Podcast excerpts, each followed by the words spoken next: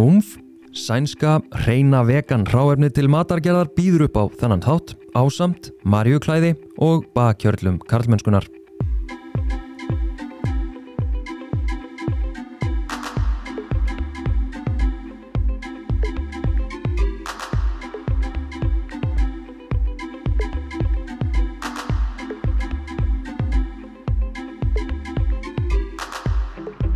Í þessum þætti eru auglýsingar. Ef þú vilt fjármagna eða auglýsa í þessu hlaðvarpi og á samfélagsmiðlum karlmennskunar, það máttu hafa samband á þorsteinvaff.karlmennskan.is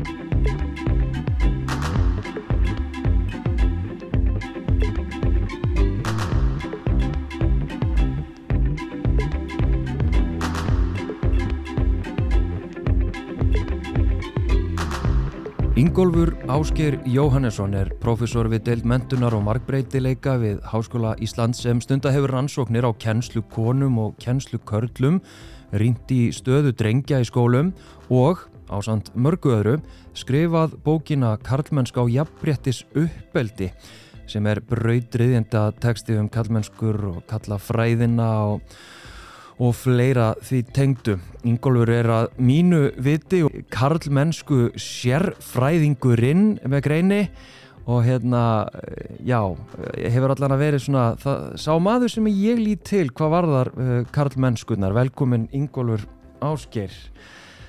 Já, hvað er fyrir?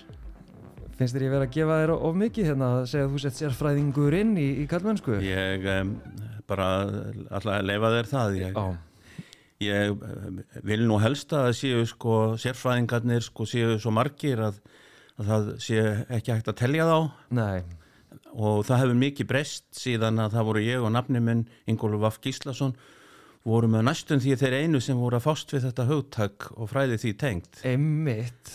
Og náttúrulega bókin sem ég hérna, myndist á hérna, í, engangi hún, um, hún kemur náttúrulega út hvað 2023 2004? 2004 en er skrifið á þessu tímanbili og, og hérna og er náttúrulega bara veist, þetta er ennþaurinn ákveðin grunnteksti í þessum fræðum eða ekki?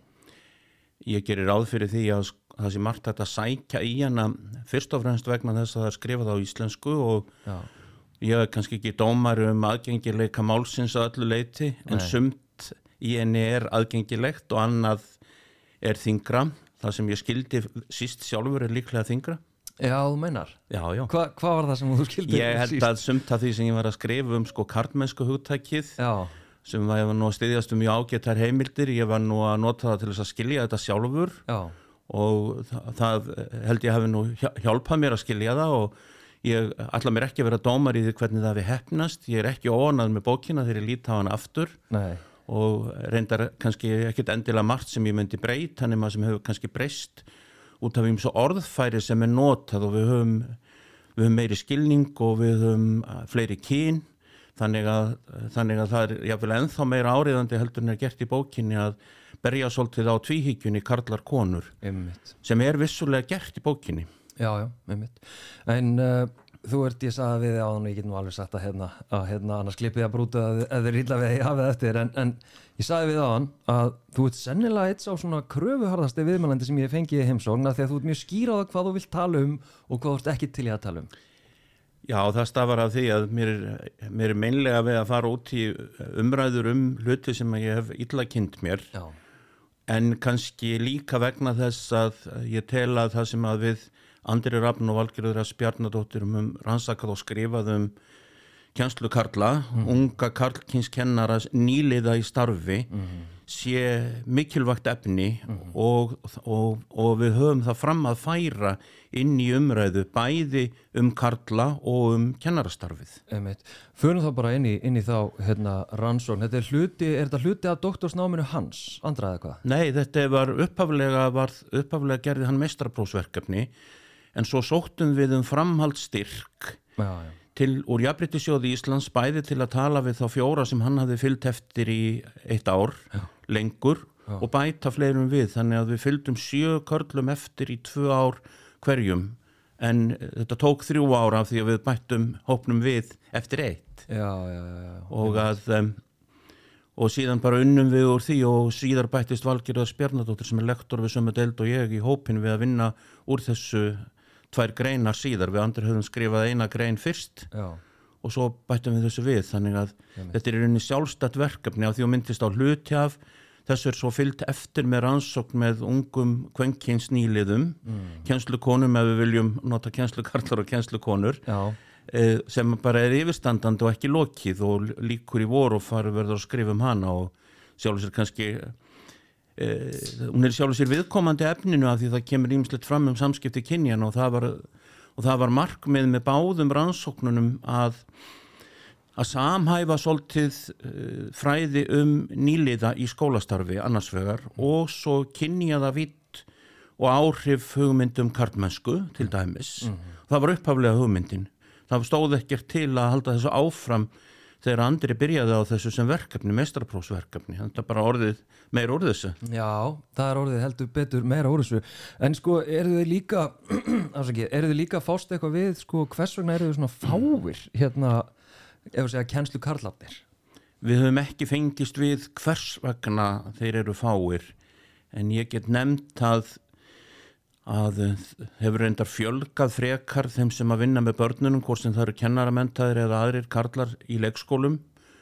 Og fæst upp úr fyrir neðan innan 5% upp í 8,2 eða 3 Já, og í grunnskólum hefur þeim fækkað þar til ef til vil hætti körlum að fækka í kjenslunni þá er það samantekið bæði mentaðir kennarar og leifbeinendur ef til vil hætti þeim að fækka ég held að verið 2016 sem kom, fór niður fyrir 18% og síðan hefur það ekki farið niður fyrir 17,5% já, já, þannig að kannski er búið að ná einhverju jafnvægi þar á einhverjum stað sem við getum haft á skoðunum að það sé ekki mikið jafnvægi en aftur á móti held ég að þetta snúist álítið um að vinna með ungum börnum eða unglingum þannig að ef þú skoðar þá skóla á höfuborgarsvæðinu eina þrjá sem að sapna nefndum í 8. til 10. bekk þá hlutfall karla á bylunu 30-40% í þeim réttarhótt skóla, gardaskóla og hagaskóla já, en eh, kringum 10 upp í 12 eða 13 í skólunum sem að leggja til nefndur í þessa skóla einmitt. þannig að skýringin liggur að einhver liti í því að þeir vinni síður með ungum börnum mm. eða sækist frekar eftir því að kenna fög eða, eða greinar með eldri börnum Þetta er áhugavert. Tólkuðu þetta eitthvað? Ekkert, mikið meira en þetta. Menna, þetta hefur líka komið upp þegar við höfum að byrta erlendis um þetta að, að við þurfum kannski að gera greinarmun á því að, að, að skólinn á yngri stegunum sé ekki sami skóli og skólinn á eldri stegunum og þá koma nú kannski einhverjir frá þeim löndum þar sem að börn skiptum skóla 11 til 13 ára og gera þessar aðtúasemtir og því að þetta er ekki almenna reglan hjá okkur að börn skiptum skóla 12 ára eins og er í þessum hlutum Reykjavíkur og Garðabæjar sem að ég nefndi. Einmitt. Einmitt. En ég meina eruð semst meðal annars að skoða hérna í rauninni hv- hvað stýður eða hva, hvernig uh, kennslu kallar upplefa sem styðjandi eða stuðning sko, þegar þeir eru að byrja í starfni sínu uh, og mér þótti þetta áhugavert af því að það er hérna það sem að þið nefnið, það eru kallahópanir það er þessi, hérna, sko, þessi skipting sem að ég meina nú er ég mentaði kennari og, og hérna, hef svo sem aldrei starfað sem kennari per se en þetta er náttúrulega bara mjög augljóst. Í rauninni allan að var það fyrir einhverjum árum og mér sýnist yfir að draga fram líka hérna það er hvernig kallarnir hópa sér saman. Og það verða til svona sellur einhvern veginn með ákveðnum einhverjum leikreglum og þyrunni segja að þetta virki bæði sem styðjandi en líka þetta sé problematíst viltu aðeins fara yfir það? Þetta, eh, ef, ef að þetta verður einhvers konar úrvalshópur þá er það auðvitað gaggrínivært og sem einangra sig frá öðrum en á sama tíma er það auðvitað þekkt að minnihlutahópur á einhverjum vettvangi karlar sem minnihlutahópur á einhverjum vettvangi eru allt öðruvísi minnihlutahópur heldur en konur á einhverjum vettvangi miða við valdastöðu í samfélaginu. Og það er kannski það sem að við horfum svolítið á þegar við segjum að, að ef að eh, svona stöðningshópar eru myndaðir að það sé kannski æskilegt að það fari fram einhver gaggrínin umræða. Og ég er ekki að segja, hún hafi aldrei farið fram í þessum hópum, við höfum náttúrulega byggjum þetta á nokkrum viðtölum og það, það er aldrei það er, það er aldrei þetta að spurja um alla söguna og, og það eitt að sko geta talað við einhvern sem skilur þig betur eða þú, telur að skilji þig betur og gerir sérstaklega í því sem eldri kennari að bjóða þig velkomin í hópin mm -hmm. hjálpar mm -hmm. og það má nefna að það eru komið upp umræðuefni sem að er virðast vera sko kynbundin og það bara kemur upp og þannig að sko að ef að, en ef að Karl hefur til dæmis ekki áhuga á enska fótboltanum þá á hann minni samleið með svona hópi og ég held að það hefði nú komið fram einhver starf í gögnunum, ég man ekki hvort þið skrifuðum um það að ef þess áhuga, áhuga var ekki til staðar þá var kannski ekki áhuga að taka þátt í svona hóp og þeir voru ekki í öllum skólunum. Þessi sjöfdreifðust á sex skóla þetta voru ekki alveg öllum skólunum svona einhverju formlegir svona hópar við höfum minna rannsakað hvenna hópana í skólunum og svona spurjum svolítið um það núna og ég hef ekki neina niðurstöður úr því. Nei, nei, nei, en ég meina þetta er, ég menna, er þetta ekki fyrst og fremst uh, félagslegur félagslegur hópar inn á ég menna, nú hefur þú verið sem kennari mjög lengi ekki satt? Ég verið kennari í háskóla lengst af. Já, er ekki sama sami kúltúrun sem að gerist þar? Þannig að alls ekki karlahópur þar sem ég hef starfað og, og ég man ekki eftir því að það hafi verið.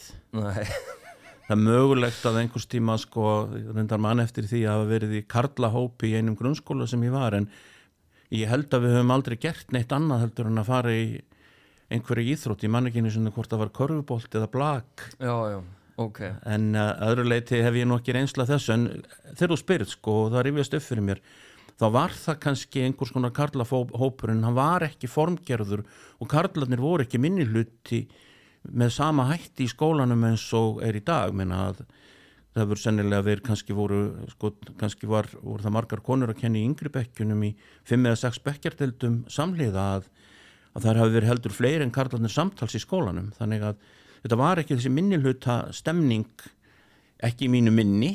Nei, en hérna en sko að þið þurfa að skoða hvað er styðjandi fyrir uh, kennslu karlana uh, þá, þá er ég að velta þið fyrir mér sko skiptir, segja, skiptir kyn kennarans máli? Skiptir máli að vera að velta því fyrir sér hérna hvernig segja, kennsluköllum vegnar og, og svo framvegis?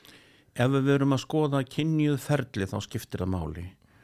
Og að og starfsaðstæður ungra karl og ungra kvenna í, í faglegri vinnu mm. og ef það eru með einhverjum hætti ólíkar og það koma fram ólík þemi og ég get svo sem ég þannilega að sé fullirt úr rannsókninni með kjenslukonunum sem við erum að vinna úr þó að þessi gjöld viðtölun hafi verið tekin að það eru margt sko mjög erfiðar starfsæðstar þar og það líka fyrir karlana.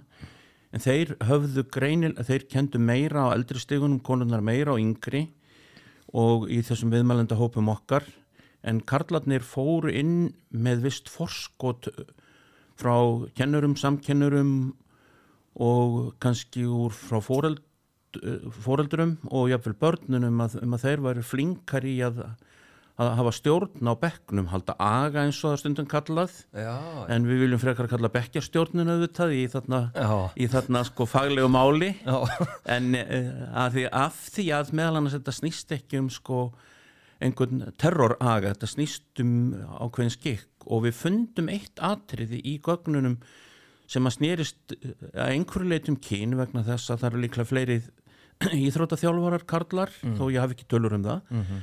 og það voru fjórir að þessum sjö karlum voru að þjálfa hópíþrótt mm. þeir komu með úr hópíþróttunni og að því að Andri Raffn var sjálfur að þjálfa hópíþrótt mm. þá hafði hann mjög mikla mikið kannski sko skinnjaði mjög stert sko hvernig þetta gæt nýst og spurði mjög vandlegum þá það var mjög áhugaverður þáttur hvernig þeir til dæmis hafðu stjórn á hópi við ímsar aðstæður utan kjenslustofunar í vettvangsferðum eða annar staðar já, já. sem þeir hafðu haft annar staðar og, og upplifðu ákveðna valdeflingu gegnum þetta ok uh, sem við getum að sagt að hafi tengt kíni okay. en að þarf ekki verið að tengt kíni og...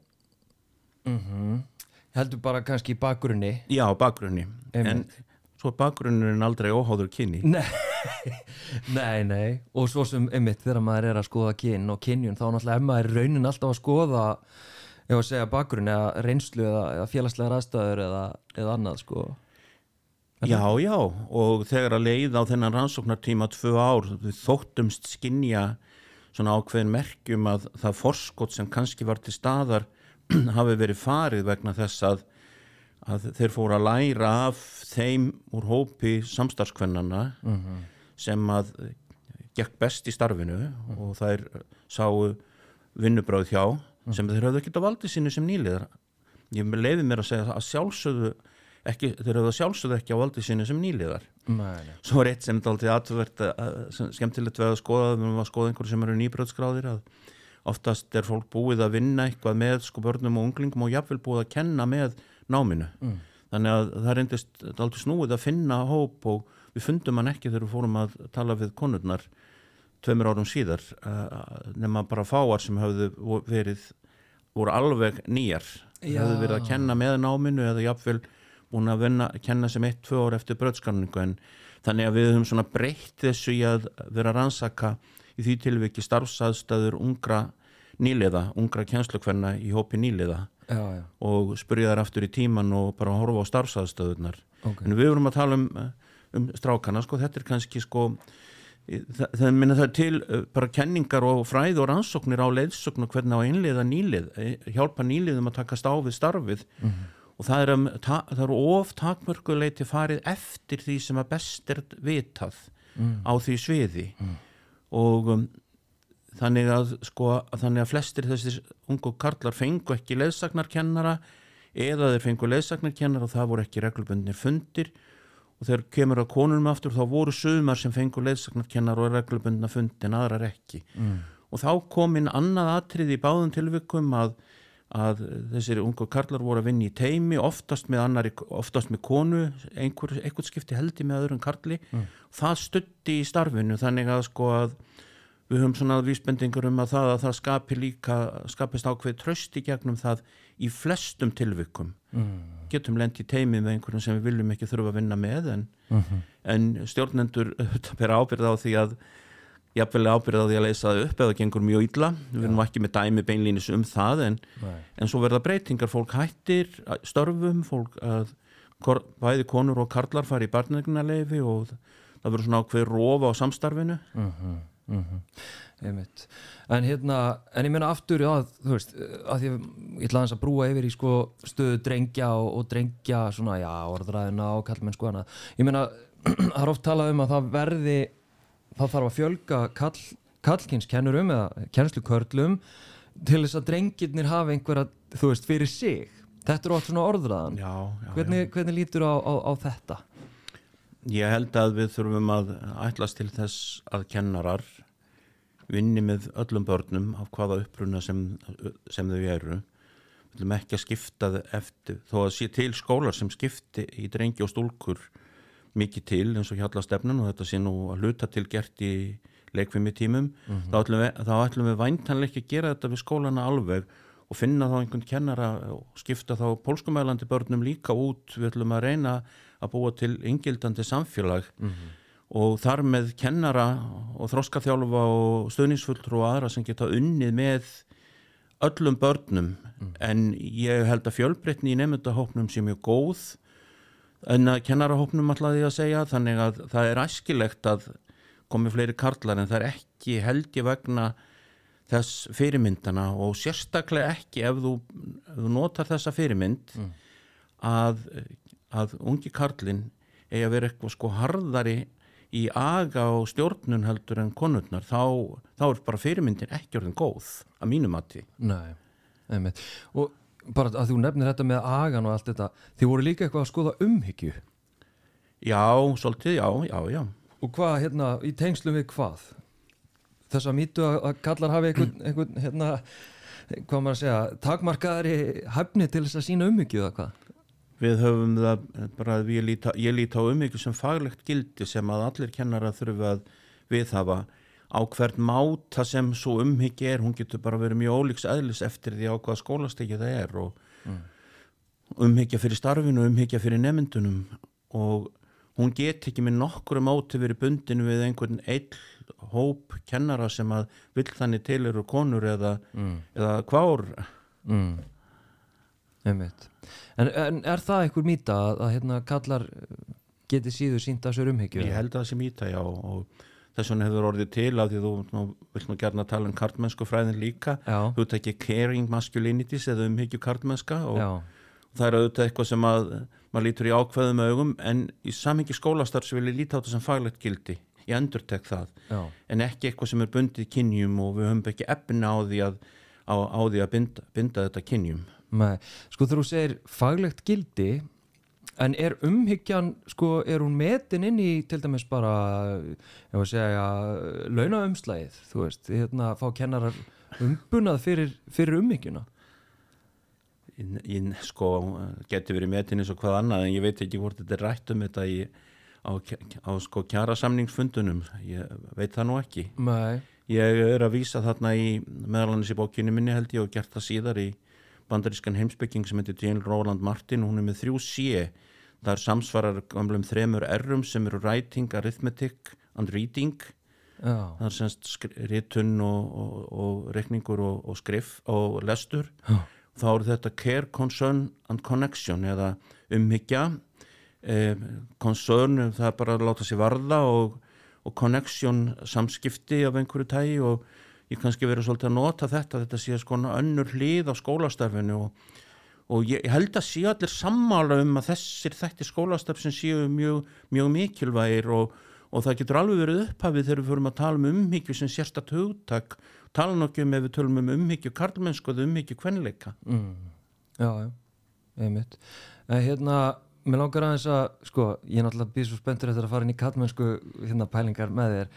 En hérna, mér langar aðeins að bara staldra við uh, drengina uh, stöðu drengja og það er náttúrulega ítrekkað verið, þú reynda greinir þetta í bókinniðinu og talar um drengja orðræðuna og, og svo getur við alveg tengt við svona karlréttinda sjónum og annað, en þessi þessi ítrekka orðræða um stöðudrengja að skólanir sé ekki að ná uh, utanum um strákana okkar og svo er fyrir umræðan oft í sko, fjölda eða hlutfall kalla í, í háskólanámi og svo framvegis.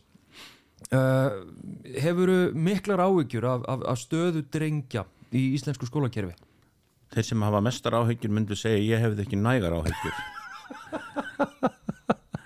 Áhverju hefur ekki nægar áhyggjur ég veit ekkert hvort að ég, ég geti trú að ég hefði akkurat nægar áhyggjur af þeim og hvernig byrtast þessar, þessar hóflugu áhyggjur ég held að það byrtist meðal annars í því að, að ég læt með þetta, þetta málefni varða og ég læt með líka varða þegar mér finnst úr hófi fram gengið með þeirri orðræðu að, að síðan heimsendir í nánt fyrir drengi. Það er ósatt Já. en það er hins vegar fjöldin allur af hlutum sem við þurfum að þurfum að sko huga að í skólakerfinu og samfélaginu sem varða drengi og stúlkur og þú nefndir sko færri sem fari í háskólanám en fá samt hærri laun. Eigum við þá ekki huga að því líka? Og halda áfram að huga að sko launajabrétti mm -hmm. og eh, en, þarna, en við stöndum og það er ekkit endilega sko einhver stórkostlegur mælikvarð að segja við stöndum í kynjamöni gagvart háskóla bröðskráningu fólks og aldrinu 25-34 ára jafnfættis Norðurlöndunum í kynjamön Þar, en þau eru bara miklu ofar bæði með karlana. 10% stigum ofar minni með að sé eða svo. Mm. með bæði, bæði kynin. Þannig, að, þannig að þannig að við skerum okkur ekki úr hvað þetta varðar. Við erum eitthvað það er eitthvað sko við konurnar á, á Íslandi er kannski komnar lengra heldur en OECD meðaltalið en það er ekki komnar lengra en OECD meðaltalið ætlaði ég að segja. En e, það er minni munur á körlum og konum í OECD heldur en á Norðurlöndunum. Þannig að Já, þetta, ég myndi halda þetta að væri áhyggjöfni ætlar eitthvað af þessu fólki að taka háskólapróf síðar á æfinni, það getur vel verið en ég hef engar upplýsingar um það og mm. ég hef ekki heldur upplýsingar um það hvernig það er á hinnum Norðurlöndunum en við erum nú sennilega og vonandi sko með frekar jákvægt viðþorf fyrir því að fara í skóla á fullorðins árum þannig að mm. ég upplifi það að minnstakosti að það sé þannig Já. en það skilar, það skilar ekki stórum hópum til að leiðrétta einhvern halla ef það eru annar bort mikilvægt mm -hmm. að karlar og konur taki háskólapróf mm -hmm. það eru líka karlar að hafa tekið meira yðn, margar yðngreinar mm -hmm. Heldur en konur þannig að líka afla sér mentunar og reynslu. Já, já, en hérna, nei, ég meina ég er nú að vísa bara svona í almennt í umræðina, orðræðina með, með þessar áhyggjur. Uh, ég er nú sennilega talin hafa engar áhyggjur og, og hérna á gaggrindu fyrir það sko að því að ég menna, ef maður setur þetta bara í samhengi auðvitað hef, hef, ég, hef ég áhyggjur af því að hvað ég segja, að kallar sko menti sig ekki bara upp á það að þeir geti tekið þátt í líðræði samfélagi og, og hérna með einhverjum gaggrinum upplýstum hætti veist, það, út frá því sjónamið en hvað var þar lífsgæðin þeirra tekjur og annað þá einhvern veginn á erfitt með að sjá að þetta sé stórkurslegt vandamál. Sérstaklega maður líka heims að ég menna hvers vegna gerist það að konur eru svona í miklu og það er eflaust meðal annara ástæðina svo að, að hérna, það er ástæður að, að það var alltaf þessi krafa á konur að það er síðan bara ekki jafn hæfur og kallarnur og það er þurfið þess að bara menta sig Já, já er, Eða hvað? Ég held að það sé ein hliðin að að, að sko varðandi sko að fá þá trygg laun og trygga vinnu sé, sé vissar te, viss, viss tegunda mentum hvort sem það er í helbriði störfum eða í eða í kjænslu og uppbyldu störfum af marg, margvíslegu tægi Já. þannig að, hvað er maður að segja að varðandi drengja orðræðuna að það kom alltaf einhverja svona bilgjur af, af þessari umræðu og ég held að það sé full ástæða til að staldra við um og greina í sundur viss, hva, sko vissan hluta barnanna þar með talin að drengja að sjálfsögðu Já. sem að gengur ekki nógu vel í skólunum og, og reyna, reyna að bæta þar úr mm -hmm. og það er ekkert það, það er ég, menn, við erum ekkert ósamál um það neitt ég held að fólk sé vel eitthvað ósamálu um það mm -hmm. en meira það sem ég er ósáttur við þegar verður sagt drengir nýr með ákveðnum greini vegna þess að það er bara fullt af drengjum sem að bara gengur ágætlega Já, já Ég líka, mér finnst hérna alltaf leðilegt sko þegar umræðan um stöðu drengja sko fer á stað þá upplifi ég allavega að sko það sé einhver svona mentur óvinnur inn í skólunum að af því að það er nú svo mikið af konum að þá náttúrulega sé drengjunum ekki sent og svona eins og óvinnurinn sé einhvern veginn skólakerfið það bara hendi einhvern veginn köllu eða strákum verð eins og, eins og það eins og sé einhvern svona lífræðilega skýringar á því sko. Uh, og algjörlega hunsa sko segja samfélagsgerðina og þá kallmennskuna kallmennskuna sem að þú veist ef við bara stöldrum aðeins við hérna þú veist hvað telst til dæmis bara eftir svona verð hvað telst vera cool, flott, nett upphefð meðal stráka? Þú veist að við skoðum það ekki neitt og ætlum bara að horfa á hérna Þú valdeflir ekki konur með því að tala svona, kjenslukonurnar ef ég má nota það orð. Einmitt. Þú valdeflir þær ekki með því að, að búast ekki við því að þær geti tekist á við þetta starf af því að bara að flestar geta það og flestum kennurum gengur vel og sum, ken, sumir kennara vilja að sér gangi betur við í misverkefni og Já. en þurfum við gærna meiri stöðning. Mm. Það má ekkert gleima því að við höfum alls konar þekkingu í dag sem við höfum ekki fyrir 40 árum á margvíslegum sérþörfum barna, mm -hmm. hvort sem að það er ADHD eða engferfa eða annað, mm -hmm. sem að við höfðum ekki og getum brögðist við mm -hmm. og þurfum að bregðast við í engildandi skólum, þar sem að er í rauninni allast til þess að all börn geti fengið þá mentun sem að er við hæfi og nú hef ég ekki farið nákvæmlega yfir þessi nýju lögum um farsald barna, um uh, þjónustu við börni þá og farsaldar þeirra. Mm -hmm. og þeim er ætlað að breyta að laga umgjörðinni þannig að sko það sé algjörlega að skýrta börnina í rétt á á tiltekinni þjónustu. Við viljum gærna tala um þetta sem kennslu kennarar. Mm. en sumt af því eh, er, er ekki alltaf kennsla, það getur verið fleira sem fer fram í skólum. Já, já já, já. Og, þarf, það, og, og þó að kennara séu sko megin hlutin sem vinnur þar mm. þá þarf annað fagfólk og það er stöðningsfulltrú sem eftir atfökkum eru búin að fá einhvern undirbúning og þjálfum til þess að vinna sín störf Einmitt. þó að stundum þau háða yngra fólk sem hefur eða málsins sangkvæmt ekki fengi mikla þjálfun Mæni. eða undirbúning Mæni. og ég er náttúrulega, þú veist, ég veit það líka vel ég menna, ég á mikið að vinna sem að eru kennarar og, og starfa við kennslu og, og hérna og náttúrulega finnst líka bara mjög sárt þegar að hérna hvað maður að segja þeim er kent um mm. það að einhverjir drengir hérna finnir sér ekki í skólakerfunu líkt og, líkt og það sé einhvers konar kerfspöndin mismunun uh, útlokun gegn drengjum á meðan að, að já, meðal annars held ég greinar eftir þig sko leiði annaði ljós og, og leiði meðal hans í ljós að þó hafði hann ekki nefnda hér að kyn kennarans hérna skiptur hann ekki máli heldur aðferðnar sjálfar ég vil meina að aðferðnar skiptir lang, lang mestu máli. Ég, glemdi, við, ég glemdi því ekkit við áttum bara eftir að ræða það að hvort að kennsla og önnu störfið uppeldi og mentun eru góð störf fyrir unga karla. Mm. hvernig við í rauninni getum hvernig við í rauninni getum laðað á að því sjálfra sín vegna. Það er í rauninni kannski held ég líkil þátturinn í því að, að hugsa út frá því. Við erum að mm við erum í þó nokkuru einstaklingssikju samfélagi til að segja alls ekkit minna. Mm. að segja, segja ekki meira menna ég. Að, og, að, og þannig að ef við viljum selja þessi störf kör, ungum körlum þá þurfum við að útskýra fyrir þeim af hverju þeir ættu að fara í þessi störf.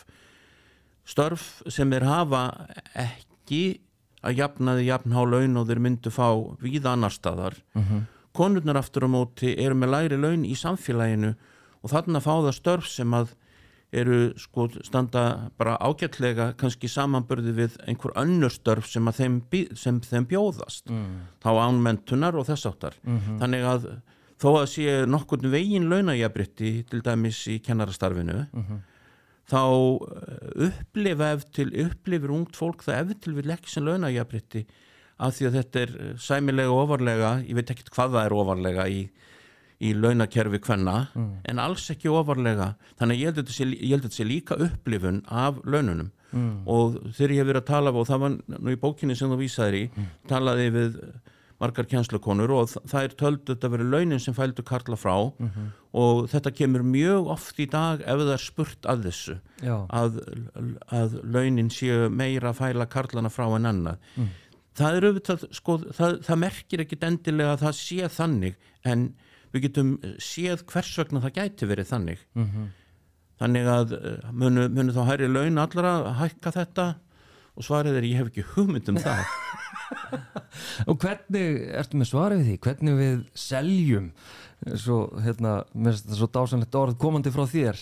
Eh, hvernig við seljum köllum kennslu hvernig við getum laðað unga karla að, að kennarastarfinu nei ef ekki lausnin á því en einn er svo einfallega að tala um það að mm. þetta sé gott starf og, og það sé þörfa á starfskröftum bæði karla og kvenna og kvára í þetta starf Já. það er það Já. það líka þörfa á starfskröftum sem að sko kennaraskólanir þurfa að glíma við og ætla að reyna að glíma við eftir því sem ég best veit ég er ekki í þeim verkefnum að fá fólk að verðlundum upprunna inn í kennarastarfið. Já. það er mjög brínt það er, það er, það er, það er væntanlega sko hlutfarslega mun undirmannaðara heldur en sko kynja, heldur en kynjavítin ef út í það er farið. Einmitt. og að margt sem að sko en ég minna ég ætla bara að vera bjartsnöðum að það hefnist Já, já. En sko er það, nú er ég veltaði fyrir mér, veist, er það hluti bara af aukinni einstaklingshyggju í samfélaginu almennt að hérna sko hvað ég segja að að aðstóðin eða kennslan eða nálgunin við börn er alltaf orðin sko meira spesifísk. Hún er svona, þú veist, við þurfum að mæta drengjum, við þurfum að mæta stúlkum við þurfum að mæta hinsegin börnum eh, börnum mm, með annar móðmálun íslensku. Þú veist, er þetta jákvæð þróun? Er þetta hluti af nýfrjálfsíkju og markasvæðingu, einstaklísíkju er þetta hluti af bara einstaklingsmiðu námi, þú veist hvernig horfur á Þú, þú nefnir nefnilega mjög margt. Þú nefnir Já. bæði einstaklingssikju væntanlega ættað og nýfrálsikju og svo einstaklingsmiðun í námi sem að kennarar uh, fara í af hugssjón og, og af mannréttinda hugssjón og svarið er að þetta er, þetta er ég held að þetta sé mikil samverkan að við þurfum að, og við erum aðilara mannréttindasáttmálum og einn af þeim er Salamanca yfirlýsingin frá 1994 um réttindi barna með sérstakar mentuna þarfir mm -hmm. sem er stundum stitt í sérþarfir mm. en er ágætt að hugsa út frá því að þetta séu starfir sem varða mentunin og þarf að mæta þeim á annan hátt eða, eða hugsa sérstaklega um þau og og við náttúrulega getum ekki sko vandamála vætt alla sko, þetta er ekki allt vandamál, þetta eru mm. viðfangsefni. Já. og að það er meira vitað hvernig við getum unnið á þeim og sumt að því bara einfallega kostar okkur meiri mannskap inn í skólana og, og meiri þekkingu kennara og meðal annars lengingu námskennara sem að væntanlega er frekar farsælt skref þegar heldinni er litið. Já, já. Var það ekki dropp í e, skráningu í kennaranámið þegar lengingi kom til staðar? Það er ekki vita hvort að það var beint ástæðan eða hvort að það voru einhverjar aðrar ástæður og nú var það, nú var það aukning en reyndar var náminu breytt fyrir hvað þreymur að fjórum árum og, og í ann aðra tegunda prófi sem heitir MT og félur ekki í sér mestaraprófs rannsókn Já. og við erum og söm sem erum ekki alveg sátt við þá breytingu en, en á himbógin má velta, þetta er jafn langt nám og veitir sömu réttindi til að kenna og, og jafngildan undirbúning og allt það og erum, ég, ég, nú, ég nú reyndar ekki alveg sannfarður um að þegar þetta var lengt í fimm ára háskólanám að það hafi verið nöðsynlegt að gera ráð fyrir rannsóknarverkefni í lokin á því 2008 en það var gert mm -hmm. og þess vegna var það, það bakkað núna fyrir, mann ekki hvað, hvort það var 2019 og 2020 sem var ártalið á, á breytingunni mm. en, en það, þetta er að sigla inn með en það var mikil fjölgunum og ef til vil út af því en líka það var náttúrulega mikil fjölgun í háskólum út af COVID en líklega ekkert sérstaklega í kennaranámi Nei. þannig að það fjölga aftur í kennaranámi Já. hins vegar ef við tökum mönnunartölur grunnskóla með eh, með eh, réttindi kennara Já. þá fór það upp yfir 95% á árunum hvað 2013 til 16 líklega ég er ekki alveg með ártölin í kollinum Já. Þannig að sko, grunnskólan voru aldrei betur mannaður heldur en fyrst eftir að eftir að fyrstu eftir, eftir að þetta var gert að mestarprófi ég held að, Mm. ég held að stórir árgangar hafi verið að hætta að kenna í skólum núna nýlega Já. en það var en, en sko svo, svo þegar breyting verður á aðsókn í nám þá hefur það ekki endilega áhrif inn í skólakerfinu alveg strax Nei, nei. þannig að aukning núna hún getur skilað árangri kannski til 5 til 10 ár en ekki endilega alveg 1, 2 og 3 Einmitt. þannig að, þannig að þetta er ekki eins og að eins og bara að þú getur kallað á fólk að því vantar fólk til að afgreiði verslun Nei. heldur er þetta fagstaf sem 5 ára, ára háskólamentun ofan á stúdenspróf Einmitt. Einmitt. Hérna, mér langar að þess að skiptum gýr og hoppa yfir í, í kallmennskuna um, sko nú fæst ég náttúrulega við þetta svona, og reyna poti í, í kallmennskuna og hef þá trú að, að, að hægt sé að breytinni að hægt sé að hérna að segja að skapa jákværi kallmennsku frekari sess á kostnað skadlegar kallmennsku sem að byggir á þessu stigvildi milli kalla og, og, og, og annara kynja. Uh, þú ert ekki jafn samfærður uh, um að það sé hægt. En samt sem aður er ég í rauninni að teikna ofan á sko, ég var að segja skrif frá þér þegar ég er að tala um jákvæða kallmennsku að því að í bókinniðinu og ég hef það eftir þér í, í reitgerinu minni að hérna þá, eh, ég man þetta ekki náttúrulega nákvæmlega en þá einhvern veginn talar um í raunin þú ert að lýsa fyrirbærinu e, sem að er indaki í jákværi kallmennsku það er svona einhvers konar meðvitund ábyrg afstafa uh, umhyggja, allt þetta einhvern veginn, þetta dót. Þannig að þú ert í raun að kalla eftir jákværi kallmennsku í bókinniðinni eins og ég mann rétt kannski er ég að segja eitthvað um því sem að þú tekur enga veginn undir uh, en síðan ertu efins um að því að það eru alls konar önnur hugtök. Ég meina ég er að taka positive masculinity frá Connell og Messersmith þú hefur talað um uh, caring masculinity. Það er til hérna það er til alls konar tegundir af kallmennskum. Og ein greinin sem að þú sendi mér að sendi mér glærur út frá uh, þar er greininin í raunin að segja að að tala um toxic masculinity og einhverja aðra sem á að vera jákvæðri Já, helbrið heilbrið á að, að þetta sé ekki líklegt til þess að vinna á því misrætti sem fyrir finnst millikinja Ég held að ég sé svolítið að agnúast út í þessa tv- tvíhyggju með þessu Já, og að uh, þegar ég skrifa marknemnda bók já, þá er ég undir áhrifum höfunda sem að hafa skilgrind verk sín sem pro-feminisk eða sko feminískra skoðunar já, án þess endilega að kalla sig feminista eða þá frekar pro-feminista heldur en feminista það er svona dálítið útbreytt femni karla við að kalla sig feminista og viðurkenna að það eru konur sem leiða baráttuna og karlar alltaf taka þátt í henni eftir efnum og ástæðum og getu og, og þurfa að gera það með gaggrinni umfjöllun um, um eigin framkom og eigin hegðun.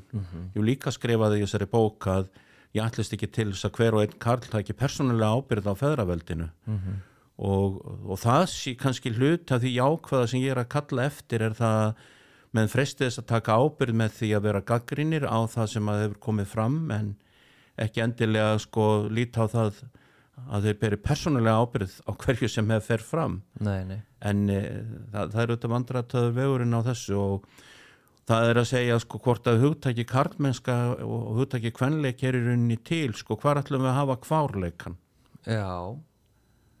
Já. Svo við pælti þessum orðum af hverju, er ekki karlleiki? Já, er það því eru tvö ell saman og þess vegna er það ótækt? Og, og ég veit alveg af hverju við höfum ekki kvennmennska vegna þess að það er, myndi hafa skýrskotin til orðsins kvennmaður sem er ekki endilega ofsalega jákvætt orð, það er endar frekar neikvætt stundum. Mm. þá höfum við kvennleiki sem er svona fíngert orð. Mm.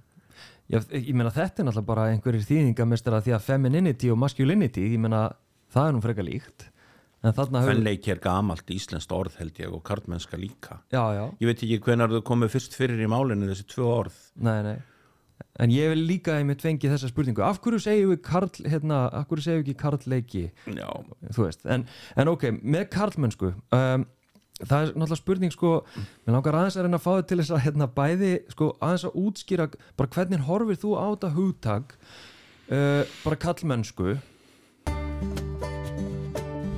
Umf er frábært hráefni til matargerðar, ljúffengt og með fáum innihaldsefnum. Reynt tjönk er til dæmis einungis sojabönir, vatn og salt. Einnig eru til fjölmarkar aðrar tegundir sem eru flestar bara með krytti og því auðvelt að finna útgáfu sem passar í réttin sem verið er að fara elda. Umf er sænst vörumerki sem fæst í næstu verslun og hægt er að panta í netverslun hjá dreifingaraðila á Íslandi og jóðk-isam.is. Maríuklæði er með lífrænan Fairtrade vegan fatnað með handgerðu minstri. Þú finnur Maríuklæði á Instagram og Facebook. Regnbóginn er einstök og litrík barna vöruverslun staðsett í mörkinni þrjú. Í regnbóganum eru allir litir fyrir öll börn og kvorki fatnaðan í leikföng eru kyngerð.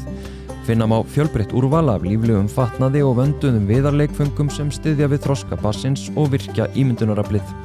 Regnbóginn mörkinni þrjú. Fjórðavaktin er hlaðvarp í umsjón Þorsteins Vaff Einarssonar og Sólegar Tómasdóttur. Nánar um fjórðuvaktina á fjórðavaktin.is Hvernig horfir á þetta hugtak? ég bara ég liggur við ég segi bara, ég horfi bara á hugtækið og reyna að átta mig á því hvernig það sé skilið. Já, og hvort það sé yfir höfuð skilið og hvort það lýsi í rauninni einhverju. Já, farið er mjög djúft í það þá er það nota til að lýsa einhverjum eiginleikum sem eru útbreytari meðal karla heldur en meðal kvenna. Og það er, ég held að það sé raunverulega mörguleit henni upphaflega merkinga á því í fræðunum. Og þegar farið er að tala um skadlega karlmennsku eins og það og, og, og síðan sko kemur í fræðunum toxic eða eitruð karlmennska sem að gerir ráð fyrir að sín okkur veginn að sama þá uh, talaði, talaði ég talsett um skadlega karlmennsku út frá drengjunum sjálfum.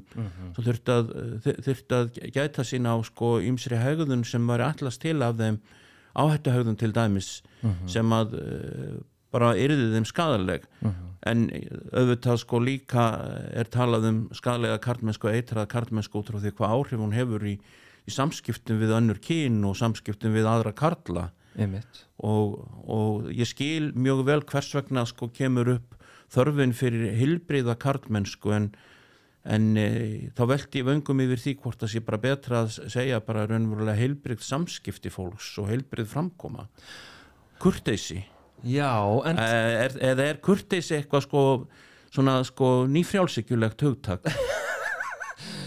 Ég veit það ekki, en sko ef við ætlum ok, við erum með konur við erum með kalla þú veist, það er bara staðrindir við bara, ekki nema við ætlum að fara sko, ættu ekki, ef við ég held, á meðan að við erum með þessar uh, þessa flokkun á manneskjum konur og kalla á meðan að þetta er til þá held ég að við munum aldrei geta tekið burtu hugmyndur okkar um kvenleika og kallmennsku Nei, haldi ég ekki heldur.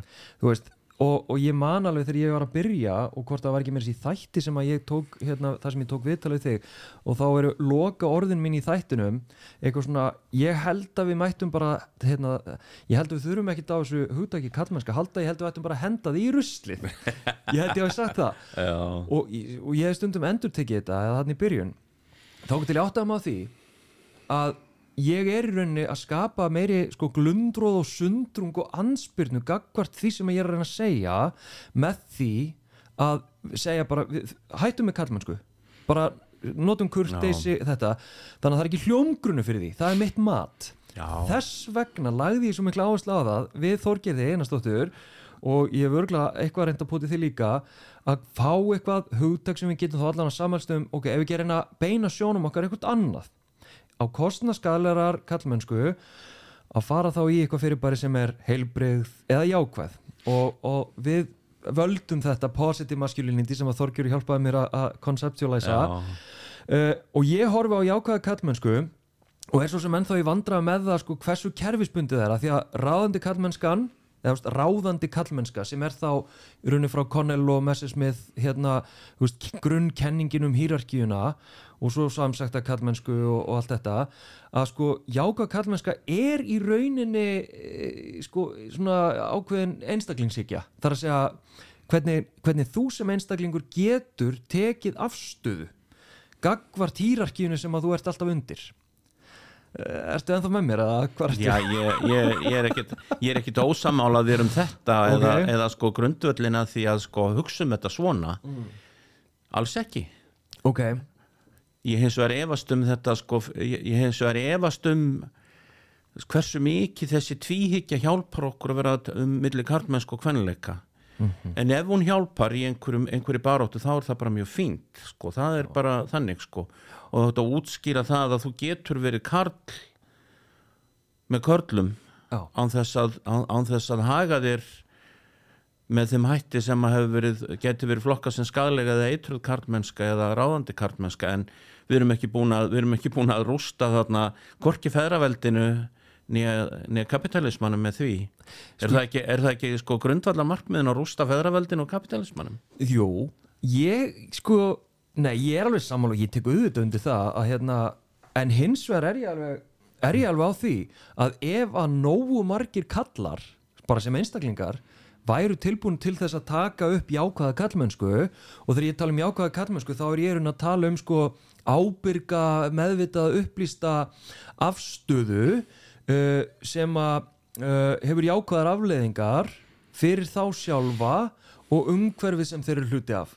Í mjög stuttum áli þannig horfi ég á jákvæða kallmennsku Já. og innihaldi í þessu að vera ábyrg upplýst og svo frammeðist, þá náttúrulega það þýðir kynjum meðvitund, það þýðir samfélagsleg söguleg, menningaleg, allt þetta bara mjög vítt. Og þetta er ekki fasti, þetta verður alltaf að vera fljótandi, alveg eins og ef við ætlum að taka meðvita upplýsta afstöðu sem hefur hérna jákar aflegginga fyrir mig að það er til dæmis að, að auka svigrum mitt fyrir bara kynntjáningum mína. Að, hérna, að ég þurfi ekki alltaf að vera í jakkafötum og, og stífur skiluru, ég má bara vera með naglalakk og bara einhvern veginn. Æfattur eitthvað er að fara með þessu? Já, já, já, já, já. Þannig að um, ég hef ekkert er ekkert ég er ekkert að andmæla þessu í sjálfu sér sko ég bara velti vöngunum yfir því sko ef að ég tala aftur um sko að, að sko karlar hafi meira þú talar um karlar hafi meira svigurum fyrir kynntjáningu innan feðraveldisins og kapitalismans og menn kannski myndi bara ekkert vera á móti því. Þá kom, komum við að þessu. Sko eh, hvað með, með feðraveldið einstaklingsíkjuna og kapitalisman Já, og ég tengi þetta allt saman saman. Feðraveldið og kapitalismin er bara í rauninni kannski sko framlenging á því þar sem að þú getur alveg sko eh, bara hjálpað einstakum konum að vera forstjórar í kaupa, kaupallarfyrirtækjum það talið til einhver, einhvers marks um, um breytingar á, á, á kynjakerfinu sem er þá annað orð, annað orð yfir, yfir feðraveldi sem við notum stundum. Og Já. bara ég, já, ég veit það ekki ég þarna sko, við skulum þá kannski setja í það ég, ég, ég held að flestir karlmenn hægi sér skikkanlega já.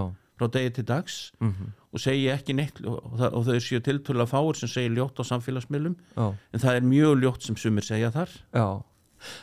Já, ég meina, það er engin spurning að, að því að nú bara starfa ég við það að heimsækja vinnustæði og svona, já, ég veit ekki fræða að vera með hugvekju eða eitthvað reyfa við viðtökum Já. kallmennsku hugmyndum. Og það eru undantekningalöst sem að sko hlustunaskilirinn eru hjá öllum sem ekki eru sagt bestu mestu hlustunaskilirinn Já. þannig að þ- mín upplifun er svo að, að svona kerfispundin andstaða við uh, hugmyndum um jákvæða kallmennsku ábyrga afstöðu axla ábyrð á eigin framkom og hegðun óháð því hvort að menn séu jafnvel að gera það skilur það er bara þessi andspyrna sem að mér svo áhugaverð Já. og hérna sem að náttúrulega og andspyrnan þú veist, kannski erum að fara í allt og mikið hrærigrut og og dýft eða eitthvað með þetta, ég veit það ekki og hvort við náum almennilega utanum þetta og miðlaði í einu, það er kannski hérna uh, minn hausverkur eftir á. Uh, en ég bara hérna, já þannig að það sem ég er að reyna að forma hérna er að ég allavega er sannfærður um það að það muni hjálp okkur að takast á hvort sem það er feðraveldi, kapitalismi eða hvað sem það er ef að kallar myndu vera móttækilegir fyrir öðrum hugmyndum um sjálfa sig þú veist, kallmennsku uh, heldur en þetta sjálfgefna í rauninni í rauninni bara hugmyndir úr feðraveldinu, þú veist, þessi ráðandi kallmennska úr feðraveldinu, ef að menn eru hérna, móttækileg fyrir því að skilja og sjá að þeir eru í eðli sínu ekkert bara svona eða svona hugmyndur okkar um það hvernig kallar eigi að vera e, þær eru stöðut að breytast og reyfast og svo framvið þú veist, mér finnst þetta bara svo augljóst það, það kannski þarf líka að huga því að, að það eru kannski ekkit svo margir karlar sem græða á feðraveldinu eða, eða kynjakerfinu og kapitalismunum þegar upp er staðið. Algjörlega. Þannig að eh, og það snýst eh, kannski ekki öllu leiti um sko hver kynntjáningin er eða, hver, eða hvort að fólk fer að klæða sig með einhverjum hætti með öðrum hætti sem er nú einhver, einhver langríkasti munurinn sem ég sé á körlum eða konum og oft á tíðum ætlustu til að næstum að sjá hvaða kyn er á ferðinni út frá klæ, klæðaburði og, og, og sést náttúrulega mjög oft já, já, út af því þetta þótti mjög byltingarkent að safna hári þegar ég var ungur. Já, já, af körlum að vera, menna ég. Já, já. Og allir því að einhverjir fóru að áreita unga menn sem að fóru að, sem fóru að safna hári. Mm þó að það væri nú kannski tiltölu auðljóst að þær væru karlar þrátt fyrir hárið. En þá var þetta eitthvað sem augraði einhverjum, einhverjum svona hugmyndum á sára sáklusan hát að, að, að, það augraði feðraveldinu væntanlega á sára saklusan hátt að safna að karla söfnuðu hári eða konur eða stuttkliftar eða, en það, það augraði því eitthvað þegar konur gengur buksum, mér minnir það. Já, já, svona og þetta, þetta eru miklar pælingar í kringum þetta. Já. og hva, hvers konar klæðabörður og annað sko á, vi- er viðegandi og á við. Mhm. og að sömur náttúrulega er í vinnu þar sem að eh, bara þarf að vera ákveðin vinnufatnaður eins og spítulum og bara í ymsum störfum þar sem þarf að vera í öryggisbúnaði. Já. Mm eða engin spúnaðinga í lauruglunni slökkvileiðinu þar sem þarf. Og þá bara það hefði nú svo komið til sko af því að eitt af því sem ég kominu sinni næri var rannsókn. Þannig Hermínu Huldar Hilmarsdóttur um Kartkins með Kartkins sjúkraliðum. Og að þá voru það, það voru, var ekki allur vinnufatnaður en sniðin fyrir Karla nei ekki, allt, ekki öllum tilvikum. Nei, nei, nei, nei. Nei, nei, mitt hérna, Já, sko, með aftur hérna, mér langar að að reyna að pota í sko, með, með jákvæðu kallmennskuna að því að uh, og þessi aðra tegund af kallmennsku heldur en þessi ef að segja, bara sjálfgefna. Því að ég segi að, að sko við verðum bara óvart kallrembur nema við tökum meðvitað upplýst afstöðu um eitthvað annað það er bara, samfélagi vill bara sjá okkur sem kallrembur og, og hérna þú veist og svona þetta auðveldasta teik hverju sinni er, er litað af einhvers konar svona karlréttinda sjónamöðum sem að, þá gerir á fyrir því að konur hafi nú tekið allt yfir og, og það sé einhvers konar kærisbundi kúun gegn köllum í okkar samfélagi. Ég, ég horf einhvern veginn á að það sé það sem gerist sjálfkrafa og, og, og mér til stuðnings þá bendi ég bara á uh, til dæmis bara í dag ungi strákar í grunn og framhaldsskólum uh, er að lepi upp eitthvað kjaftaði eftir áhrifavald af, af TikTok, Andrew Tate og hérna og svona upplifa, eins og þeir upplifið að vera einhvers konar létti eftir allar þessar byltingar og hvernig þetta bara áttu síðustu ára. Loksins kemur einhver fyrir okkur strákana og sjá ekki augljósan ávinning fyrir sig og samfélagi held af öllum þessum byltingum. Já, einmitt. Já, Getur þú bröðist við þessu? Ég get ekkert mikið brúðist við því. Nei, þarna að eh, þarna að mjög eh, auðvelt að taka í missi réttindamál karla eins og fæðingarólofi sem er tekist á um sem er te te tekist rosalega á um það hvort að karlar eigi að hafa rétt til fæðingarólofs og hver var niðurstaðan síðast, hún var síðast var hún reyndar svo að, að það er jamt en það má flytja hlutafði og hvert er hann fluttur. Eh, það er ekki ennþá búið að taka saman tölurnar um það svo ég viti, það er örgulega til en ég hef ekki séð þar tekna saman en það verður væntanlega eins og var þarna fyrsta áratú aldarinnar þegar að þegar sameinlegi hluti orlofsins var í lang flestum tilvíkun tekin á konum. En áður en farið var að skerða meira greiðslur í fæðingarorlofi já, þá voru karlarnir samt komnir upp yfir þrjá mánuði eitthvað aðeins. Já. en það voru einhverjir sem að tóku meira. Já. og skerðingin kemur verð niður á körlum. Einmitt. Þannig að út af, laun, út af hærri launum þeirra. Þannig að, þannig að það er ímislegt sem að sko þarf að huga að þegar að teknar eru ákvarðanir hvaða áhrif þær hafa á kynin bara yfir höfuð sko hvaða áhrif hafa fjölmarkar áhrifanir á, á þessa breytu í, í samfélaginu á kynin. Einmitt. og náttúrulega feministum almennt greinir mjög á um hérna hvað er best að gera í alls konar málunum eins og hérna fæðingarólofinu og, og hérna og svona öðrum ef að segja hita málum að fólk hérna já er bara oft mjög ósamála þrátt fyrir að, að já að ég er náttúrulega auðvitað erfitt með að skilja hvers vegna fólk sé ekki bara sjá ekki augljóst að það er bara ein leið hér í bóði og eitthvað svona binda þetta bara niður. Nei, ég held að, held að sé fyrir það að það geti verið margar leiðir í bóði og þú segir að ungir strákar sjá í Andrew Tate eða einhverja aðra sem einhvers konar, einhvers konar fyrirmyndir eða réttar að sagt skoðanir skoðanir viðkomandi og, og, og svarið er að væntanlega að við viljum halda áfram að ebla kennslu í kynjafræði í, bæði framhaldsskólunum og líka í grunnskólunum þar sem að kynjafræði kennsla er mjög lítið farin á stað. Hún er eitthvað að byrjaði að innleiða það einstu, einstöku stað og þá er það reyndar oftast eins og reyndar margt sem gerist í skólakerfinu það verður til að frumkvæði til kennara sem að hafa skilning á því. Það er reyndar í aðanámskrá eru mjög skýr hefni viðmið sem varða sko sérstaklega skilning á kynhlutverkum bæði fyrir eh, fjórða, sjönda og tíundabekk þannig að ky- kynjafræðin á sér ágæta, ágæta stóð inn í aðanámskrá grunnskóla. Já, já, a- alveg hygglust sko. Mér langar bara rétt að lókum hérna, þetta er svona smá bútakent hjá mér hérna, því að það er svo stór hugtug sem ég langar að reyna að veiða þið inn í. Uh, og það er sko, þú ert með umfjöldunum um svona karlréttinda sjónamið í bókinniðinni sem að þú tengir við í rauninni ansbyrnu uh, við baróttu við feðraveldi eins og ég skil það. Uh, hefur eitthvað verið að skoða sko ansbyrnuna núna nýlega bara hérna og orðraðu tengt henni? Ég hef mjög lítið skoðað anspyrnuna við það. Ég þurfti um daginn að bara beinlinis að kynna mér þessa, þessa insel hugtak Já, fyrir hvað það stæði og, og þess að sko furðulegu hugmynd að að, eh, eigi, að, að, að sé til eitthvað sem er þvinga, til þvinga skillifi það er að, þetta, þetta er svo furðuleg hugmynd en þarna að en, uh, en þetta er fyrirbæri til og, og, og það þarf að skoða það og kynna sér það og, og átta sig á því sko hvað er einkennilegt við það og, og flett ofan af því eins og, hef, eins og er gert og komið komi fjölmiðla um fjöllunum það og, og meðal hans einhvern morðingja, fjöldamorðingja sem að var talið að hefði verið með insel eh, sjónarmið í huga. Já, já. Og ég reynda að einsel hugmyndirnar séu nú víðar þó að kannski þeir myndu nú ekki flokkast sem insels þá er ég bara að vísa til svona ég var að segja, típiskra kallremna í okkar samfélagi sem að við hafa orðræðu sem að einfalla ber á uh, eða lemur á já, bæði aktivistum uh, konum, kynsegin, hinsegin. Einhvern veginn svona orðræða sem að er já, mínu viti svona hluti af einhvers konar ansbyrnu og, og, og jafnvel bakslægi við árangri byltingar síðustu ára.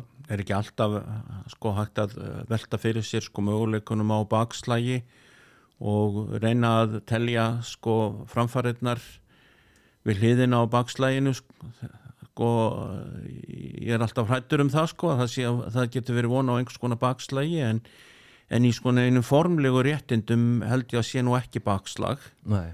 og að e, þá skiptir máli að við getum í rauninni sko haldið áfram að vinna að því að ja, að viðhorfabreitingunum og, og það getur verið eitthvað, það getur komið upp eitthvað nýtt sem að veldur meira bakslægi og tala ekki um ef mann fara að mynda einhverja hópa mm -hmm. um, einhver, um, um einhver sjónarmið sem að sko voru og ja, vonandi verða jáðarsjónarmið mm -hmm. skilt insel eða einhverjum öðrum þess aftar sjónarmiðum en mm -hmm.